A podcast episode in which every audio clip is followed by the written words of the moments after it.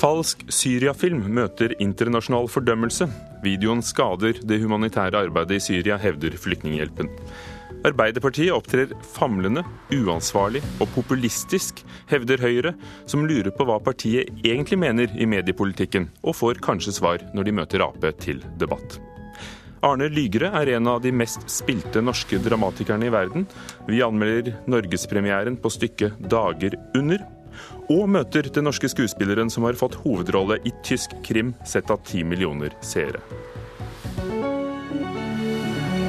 Her i Kulturnytt i Nyhetsmorgen med Ugo Fermariello.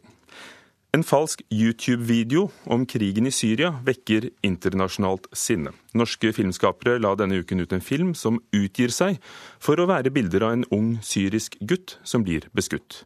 I helgen innrømmet filmskaperen at videoen er ren fiksjon. Dette skader det humanitære arbeidet i Syria, mener Flyktninghjelpen. En syrisk gutt løper gjennom kuleregnet for å redde en liten jente som gjemmer seg under et bilvrak i videoen som er sett over fire millioner ganger på YouTube. Filmen er jo troverdig eh, ved første øyekast. Sier kommunikasjonssjef Tuva Rånes Bogsnes i Flyktninghjelpen. Men filmen er ikke ekte. Gutten i videoen er en skuespiller, og scenen er spilt inn på Malta. Etter at de norske filmskaperne i helgen avslørte bløffen, har det kommet kraftige reaksjoner fra mange hold. Flyktninghjelpen mener filmen kan skade deres arbeid i Syria. Denne falske videoen kan være med å trekke alle de ekte videoene i tvil. Eh, og det er det siste vi trenger nå. Det er såpass vanskelig å dokumentere eh, de overgrepene og det grusomme som skjer i Syria. Eh, slik at hvis at folk da ikke tror på de videoene som faktisk er ekte, så har vi et problem. På sosiale medier hagler ukvemsord på flere språk over de norske filmskaperne. Mange mener at videoen vil gjøre det lettere for Assad-regimet å avfeie ekte bilder av grusomheter i Syria som falsk dokumentasjon. For journalister som ønsker å dekke eh, denne konflikten, så er dette en veldig vanskelig situasjon. Man kan ikke være der og være førstehåndskilder. Da er man avhengig av alle disse videojournalistene, disse syriske aktivistene, som sender ut materiale hver eneste dag. Eh, og de fortjener at hver gang de får ut en video som faktisk er sann, at den da blir eh, trodd på. Filmskaperne ønsker ikke å gi noe intervju til NRK om saken nå, men viser til en pressemelding der de tar selvkritikk på at de brukte for lang tid på å avsløre bløffen, og beklager dersom filmen får negative konsekvenser. Regissør Lars Klevberg sa til NRK lørdag at intensjonen med filmen var å rette søkelyset mot barn som krigsofre. Det vi ønska å oppnå, er å spre en humanitet, altså en humanistisk idé om å bry oss. Bry oss med det som skjer. Og Det er på den måten jeg som filmskaper, så var det min måte å kunne gjøre dette på. Også Norsk Filminstitutt, som støttet filmen med 280 000 kroner, beklager dersom mange føler seg lurt og skal nå evaluere prosjektet internt. Flyktninghjelpen tror på filmskapernes gode intensjoner, men Jeg skulle ønske at eh, disse filmskaperne tok kontakt med organisasjoner som oss. Kanskje kunne vi sammen finne ut eh, en måte å jobbe på som gjør at eh, de kan vise engasjementet, men på en måte som kanskje da fungerer også på lang sikt. Sa Tuva Rånes Bogsnes i Flyktninghjelpen, reporter Halvor Haugen. Kjell Terje Ringdal, førstelektor i retorikk ved Markedshøgskolen og en med langvarig erfaring på kommunikasjon. Hvis hensikten var å vekke oppmerksomhet om situasjonen for syriske flyktninger, hvorfor har ikke filmskaperne lyktes? Ja, for det, her tror jeg først vi skal si at uh, Det man gjør, uh, det er jo prisverdig nok. Nemlig som filmskaperen sier, man vil skape oppmerksomhet og man vil sørge for at vi skal bry oss om det som skjer. Uh, men det man gjør her rent teknisk, er jo at vi blir altså lokket inn i en, sånn, en autentisitet. Vi tror at det er ekte. Og Det betyr da at vi investerer i denne filmen. Vi får sjokk, vi får klumpen i halsen. Vi reiser oss opp fra sofaen og så har vi lyst til å være med. Og så sier filmskaperen tulla. Det var bare bløff. Og Det som da skjer, er at vi, som det er sagt av flere, da blir vi skeptiske til alt som måtte komme eh, fra Eh, fra denne type eh, konflikt- og nødsområder. Sånn at Det er jo her dilemmaet ligger. Intensjonen er de beste. Man bruker dokumentarens kraft for å lokke oss inn i dette prosjektet. Og så vises altså at det er bløff. Og Det vi da kan risikere, er jo at vi alle lener oss tilbake heretter og så detter vi tilbake igjen i den apatiske sofaen, og så tenker vi at det er sikkert bare bløff alt sammen. Men samtidig så er jo nettopp denne typen kommunikasjon eh, ofte brukt eh, i, i kampanjer. Hjelpeorganisasjonen Plan Norge fikk veldig mye positiv oppmerksomhet rundt det som ga seg ut for å være en bryllupsblogg fra en barnebrud. Greenpeace har gjort det samme overfor oljeselskapet Shell, latt som det er ren ting, og så viser det seg at det er noe annet. Hva skal til for at det lykkes? Ja, og dette er jo dette er det som er det mystiske og litt uh, tankevekkende ved akkurat dette prosjektet. fordi og jeg har selv som, uh, som uh, kommunikasjonsmenneske vært med på å lage det vi har kalt for etisk løgn, altså hvor du bløffer litt i det godes tjeneste. og så bruker man det som et virkemiddel for å få folk til å gi eller støtte prosjektet. Eh, så Sånn sett så er dette i prinsippet det samme som er gjort før. Men jeg, det jeg lurer på, er om her er det for drøyt, det er for flinkt. Vi blir lurt for mye. Og så tar det for lang tid før bløffen blir eh, avslørt. For dette var jo på førstesiden av tabloidavisen New York Post f.eks. på onsdag som en sann historie. Uh, når skulle de eventuelt ha, ha kommet frem i, i dagen? Det er jo ikke godt å si, men eh, vi kan i hvert fall si at eh, det har gått for lang tid. Eh, og jeg tror at det som er, det som er kanskje mest alvorlige her, er at man, at man voldtar den kraften som ligger i dokumentaren og det autentiske. Så Det er nok her at man har vært så flinke til å imitere sannheten, som gjør at vi som seere vi blir lokket langt inn i denne verdenen. Og så viser det seg altså at det, det vi trodde var mest sant eh, i vårt liv, i, i vårt liv, nyhetene, viser seg å være bløff, det også. Så det er nok her at skuffelsen og aggresjonen skapes. Takk skal du ha, Kjell Terje Ringdal, førstelektor i retorikk ved Markedshøgskolen.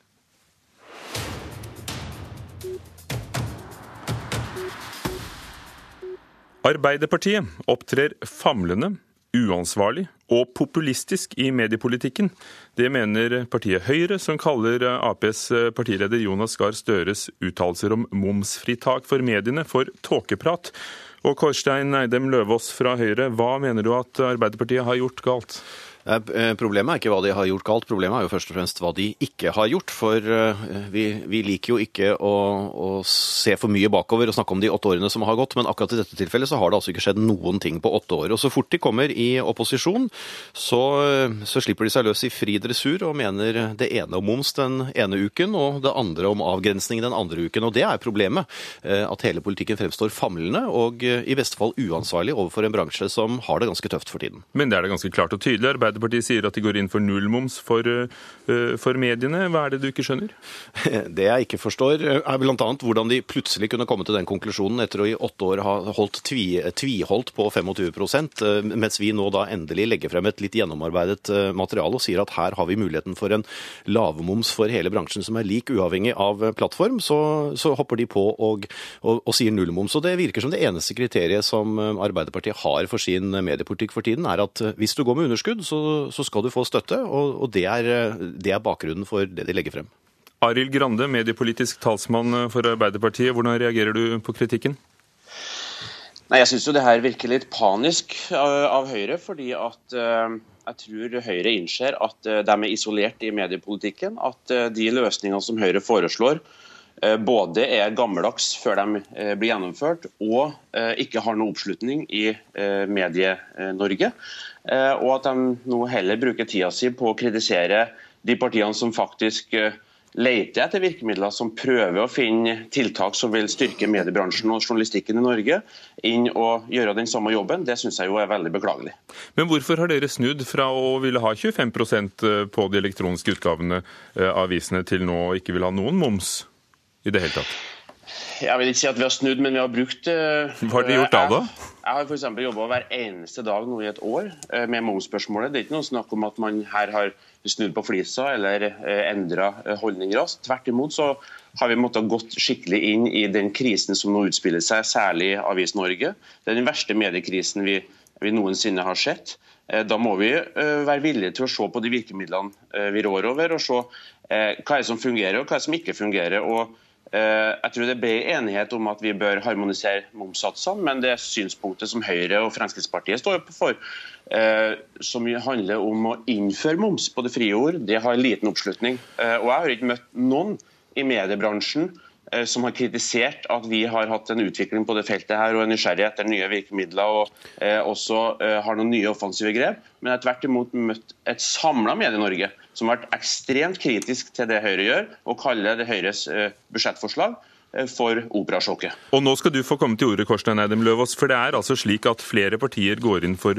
nullmoms. Det gjelder også samarbeidspartnerne Kristelig Folkeparti og, og, og Venstre, mens dere eh, går inn for 8 eh, på alt. Det er da bare et nytt landskap fordi tiden forandrer seg? Det, er, det som er utfordringen, er når, når, Grande nå sier at de går inn for nullmoms. For det, det er jo heller ikke helt sikkert, fordi Jonas Gahr Støre, partileder i Arbeiderpartiet, sier at det er ikke sikkert at denne ordningen er endelig. Dette kan hende det er midlertidig. Samtidig så leker de med tanken om å knytte knytte det opp til utbytte, og de leker med tanken om å knytte det opp til lønningene for lederne i de bedriftene som skal motta det. Og Da hadde det vært interessant å spørre Grande hva er en moderat lederlønn for et mediehus som skal eventuelt få nullmoms under Arbeiderpartiets regime. Det samme gjelder hvem som skal få det. For, for noen uker siden så var det elektroniske aviser. I forrige uke så var det plutselig TV 2 også. Og det er denne usikkerheten og denne virringen og denne nærmest populistiske tilnærmingen som, som jeg synes er problematisk. Og jeg er enig i at det kan være en utfordring å avgrense hvem det er som skal få en lav moms. Men i alle fall så gjør vi etter kort tid i regjering et grep hvor vi legger frem et forslag til en felles lav moms for de mediene i Norge som i dag har null på papir og 25 på digitale utgivelser. Og dette er noe som Arbeiderpartiet ikke var i nærheten av å få til på åtte år. Og da syns jeg det er pussig når, når Arild Grande plutselig eh, en dag våkner opp og finner ut at hm, kanskje null hadde vært noe. Grande. Men jeg tror jo Kårstein Løvaas og Høyre hadde tjent på å heller bruke energien sin på eh, å finne ut hvilke virkemidler som kan styrke journalistikken i Norge i den verste mediekrisen vi noensinne har sett. Eh, problemet til Høyre er at alle de tiltakene de foreslår, forsterker krisen. De eh, innfører moms på papiraviser. Det vil dytte mange, særlig lokalavisene, utfor stupet. De kutter i produksjonstilskuddet, som har vist seg å vært en suksessfaktor for at Norge i dag har verdens største mediemangfold. Men la meg få avbryte deg. svekke NRK. Alt dette vil jo forsterke det problemene som Grande, la meg komme med et spørsmål til deg. Eh, vil det ikke også gjøre det lettere å, å få til en overgang til digitalt, når det blir eh, rimeligere å lage det? Og, og, og, hva med dette med avgrensningen? Hvem skal få det? Hvordan henger det sammen med lederlønninger f.eks.? Ja, Når det gjelder eh, momsspørsmålet, så tror jeg som jeg sa i sted, det er enighet om at vi bør harmonisere satsene. Eh, vi foreslår null. Eh, og Det er jo et flertall på Stortinget som nå ønsker. Det er kun Høyre og Fremskrittspartiet som ønsker å innføre moms på papiraviser. Når det gjelder avgrensningen på det, så har jo mediebedriftene sjøl gjort en stor innsats på det, og vi slutter oss til de avgrensningene som er gjort der.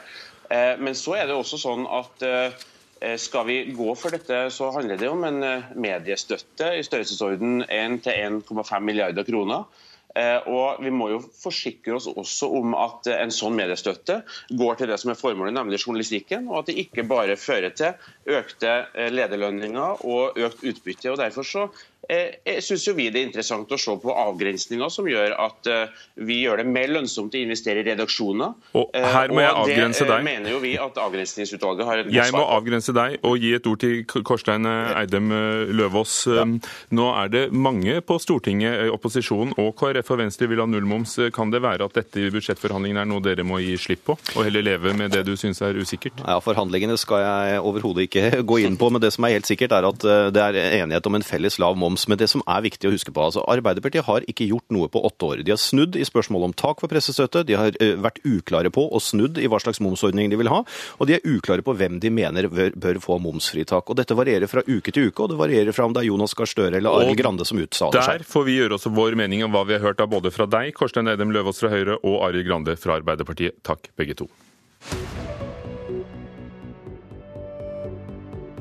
17 minutter over åtte, Nyhetsmorgen i NRK. Overskriftene. Vladimir Putin bekrefter at russiske militærfly har trappet opp antall flyvninger nær Nato-landene. Mange som arbeider med barn, vet ikke når de må varsle barnevernet. Terrorgruppen IS har flere sovende celler i Europa som venter på ordre om å gå til aksjon, hevder en syrisk avhopper. Og komikere i Stavanger så seg lei juleforestillinger hvor alt var ved det gamle, og har selv laget en ny tradisjon. Som vi hører mer om senere her i Kulturnytt. En norsk skuespiller fikk sitt gjennombrudd i Tyskland denne helgen. Mer enn ti millioner TV-seere så Lise Risom Olsen spille en av hovedrollene i siste episode av den populære krimserien Tatort åsted. Og nå venter nye store oppgaver for 35-åringen.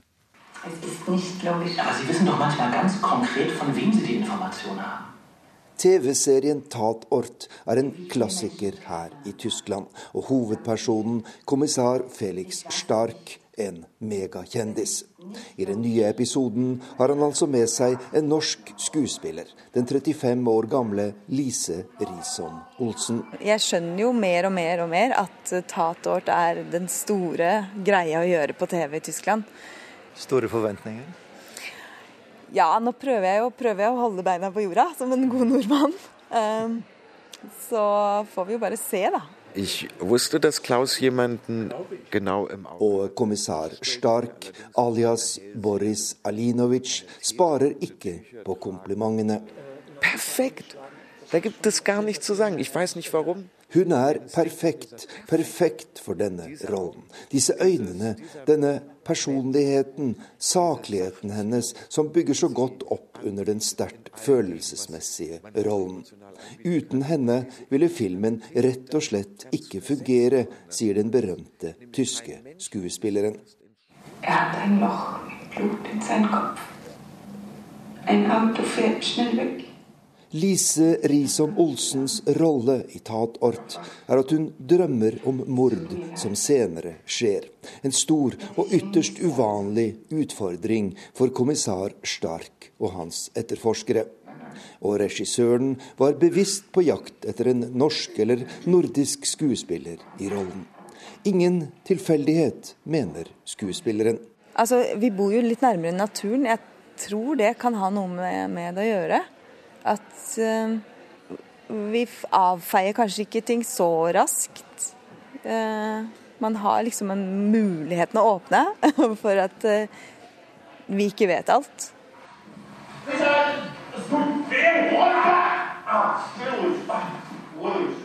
Tre mennesker blir myrdet i filmen før handlingen når sitt klimaks. Den norske skuespilleren drømmer at kommissæren selv blir skutt, noe som også skjer. I sluttscenen er medarbeiderne på sykehuset for å få legens dom. Vil han overleve, spør en av kommissærens kolleger. Kanskje, lyder svaret.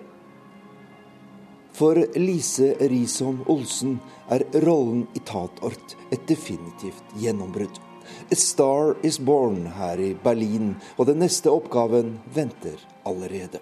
En filmatisering av Ibsens byggmester Solnes. Det blir da en uh, tysk kinofilm som skal spilles inn her i Berlin på begynnelsen av neste år. Hvor jeg da spiller um, Katja, som hun heter her, Kaja, som hun heter i originalversjonen.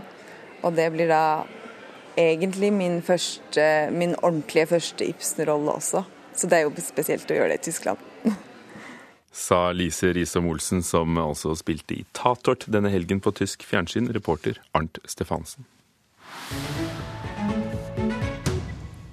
Arne Lygre er en norsk dramatiker som er minst like kjent i utlandet som i Norge. I helgen var det norgespremiere på skuespillet 'Dager under' ved Trøndelag Teater. Karen Frøsland Nystøyl, vår teaterkritiker, du var i Trondheim i helgen, og hva handler 'Dager under' om? Det handler om en mann, Eier heter han, som i en slags sånn streven etter å gjøre godt, hente inn mennesker han finner som han ser slite, sperrer de inne i bunkeren under huset sitt, rehabiliterer de på et vis og skal prøve å gjøre de klar for et nytt liv i verden.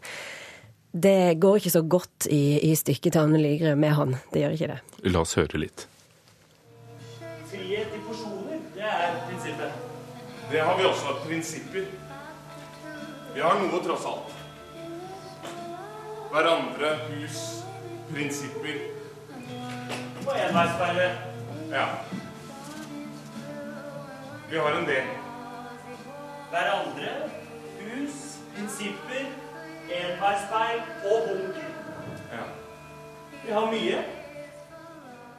Hva hørte vi?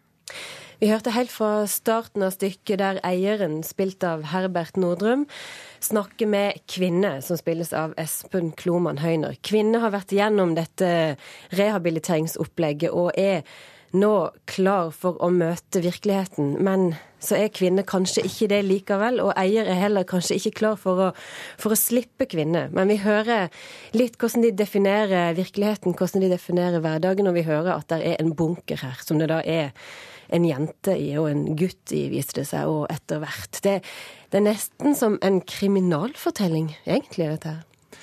Hvordan ser det ut i denne bunkeren? Ja, Bunkeren får vi vel egentlig aldri sett, men scenebildet som møter dere på studioscenen på Trøndelag Teater, det er, det er en blackbox, svarte vegger, og, og så er hele gulvet dekka av et stort rosa vegg-til-vegg-teppe. Og det var så overraskende å komme inn i det, for i de siste Lyger-oppsetningene som jeg har sett, så har alt vært så mørkt og svart. Hele, hele scenerommene har vært bare en svart boks, og så har teksten vært det drivende momentet hele veien. Her eh, introduseres vi for et stort rosa teppe, og vi settes i en, en slags 70-tallssetting eh, kostymemessig. Så, så her plasseres vi i et tiår.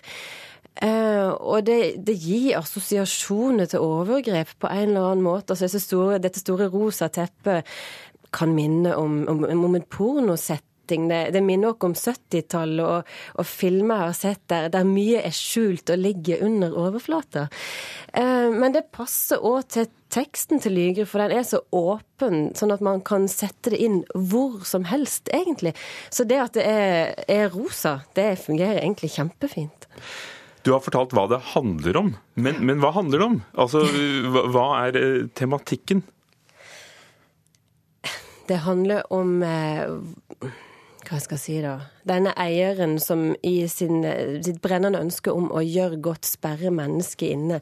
Det handler om etablering av avhengighetsforhold. Men det handler òg veldig mye om identitet. Alt Arne Lyngre skriver handler om identitet. Og, og, hvem er jeg, og hva er jeg? Det er to store spørsmål som du finner uansett hva du leser av Arne Lygre. Og replikker som 'jeg forsvinner', 'jeg er ingen', det går igjen i flere av hans skuespill. Og her òg, hvem er man etter å ha vært igjennom en 20 måneder lang, et 20 måneder langt opphold i en kjeller der du ikke får lov å rømme? Gjør du det, så, så henter eier deg så kutter han av deg fingre og tær. Hvem er du? Hvem er du i, i, midtveis i det løpet, og hvem er du når du kommer ut? Hvem er eier som gjør disse tingene, som sperrer inne mennesker? Hva, hva gjør disse handlingene med oss? Det, det, tematiseres jo i stykket her. og, og, og og har Lygeres tekst og Ole Johan Skjelbreds eh, regi lyktes? Ja, det syns jeg. Jeg syns det er et godt møte mellom Lygre og Skjelbred. Jeg opplever at det er formfullendt, det som lages, og jeg opplever et veldig godt spill. Det som er litt morsomt, det er jo at tre av karakterene spiller motsatt kjønn, f.eks. Espen Kloman Høyne spiller kvinne. Det går allikevel fint, og det passer, det passer så godt inn i den identitetstematikken. Det er ikke noe noe utagerende, noe påhitt ved det som skjer. Det, det, det er veldig fint gjort. Takk skal du ha, Karin Frøsland Nystøl. Dager under Arne Lygre på Trøndelag Teater. Mer teater. En ond nisse med trønderdialekt er blitt førjulstradisjon for mange i Stavanger-distriktet. Julerevyen om Svartnissen spilles for 13. gang. I fjor ble den sett av over 19 000. Det begynte med at komikerne var lei forutsigbare juleshow. Punktum finale for hele jula. Nå skal beina til Ove Rocketroll oppi herre, herre, herre gryta her. Og svartnissen vinner! det er jo anarki. Juleanarki. Og ungene elsker det. Og foreldrene elsker det enda mer. Det sier Pål Mangor Kvammen, fast regissør for Barnas store julerevy i Sola kulturhus. For mens juleforestillinger for barn ofte høres slik ut Julen, julen, julen, den er her. Med julen er den årlige julerevyen om svartnissen, galskap, satt i system. Men jeg må ha en halv nisse! Det står i oppskrifta. Her handler det jo om å ødelegge julen til de grader. Og de nissene som er med her, de er jo, de er jo antinisser. Jeg hørte ikke. Er det noe liv i dere? Ja! Jeg hørte ikke! Ja! Jeg hørte ikke! Jeg hørte ikke! Hvert eneste år kommer figuren Gerd ut på scenen i Sola kulturhus og hilser før resten av gjengen dukker opp. Mr. Kaboom, Kissa Nissemann, Ove Rocketroll og ikke minst den slemme Svartnissen, spilt av Hans Petter Jørgensen. Han er en eh, ond, ond, eh, omvendt nisse, altså i svart og hvitt, som snakker trønderdialekt, eh, litt pga. fargene. Så veldig mange av oss i ensemblet er glad i Viking og var veldig lei av å tape for Rosenborg, så da var det fikk de liksom en slags sånn De fikk noe ut ved å liksom slåss mot meg, da. Bare lukk igjen øynene og tenk på at du er en kotelett over Rocketroll. Ikke sant?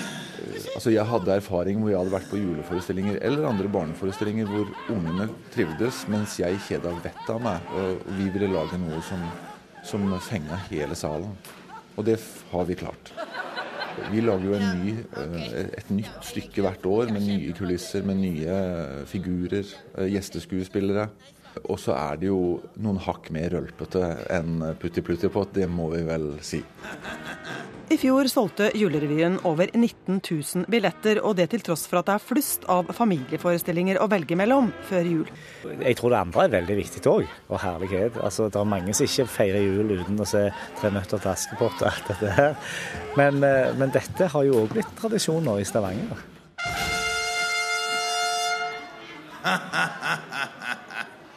Og årets svartnissepremiere er førstkommende torsdag, reporter Anette Johansen Espeland i Stavanger. I Kulturnytt har vi hørt at falsk Syria-film laget av norske filmskapere og sett av fire millioner på YouTube møtes med sinne fra publikum og hjelpeorganisasjoner.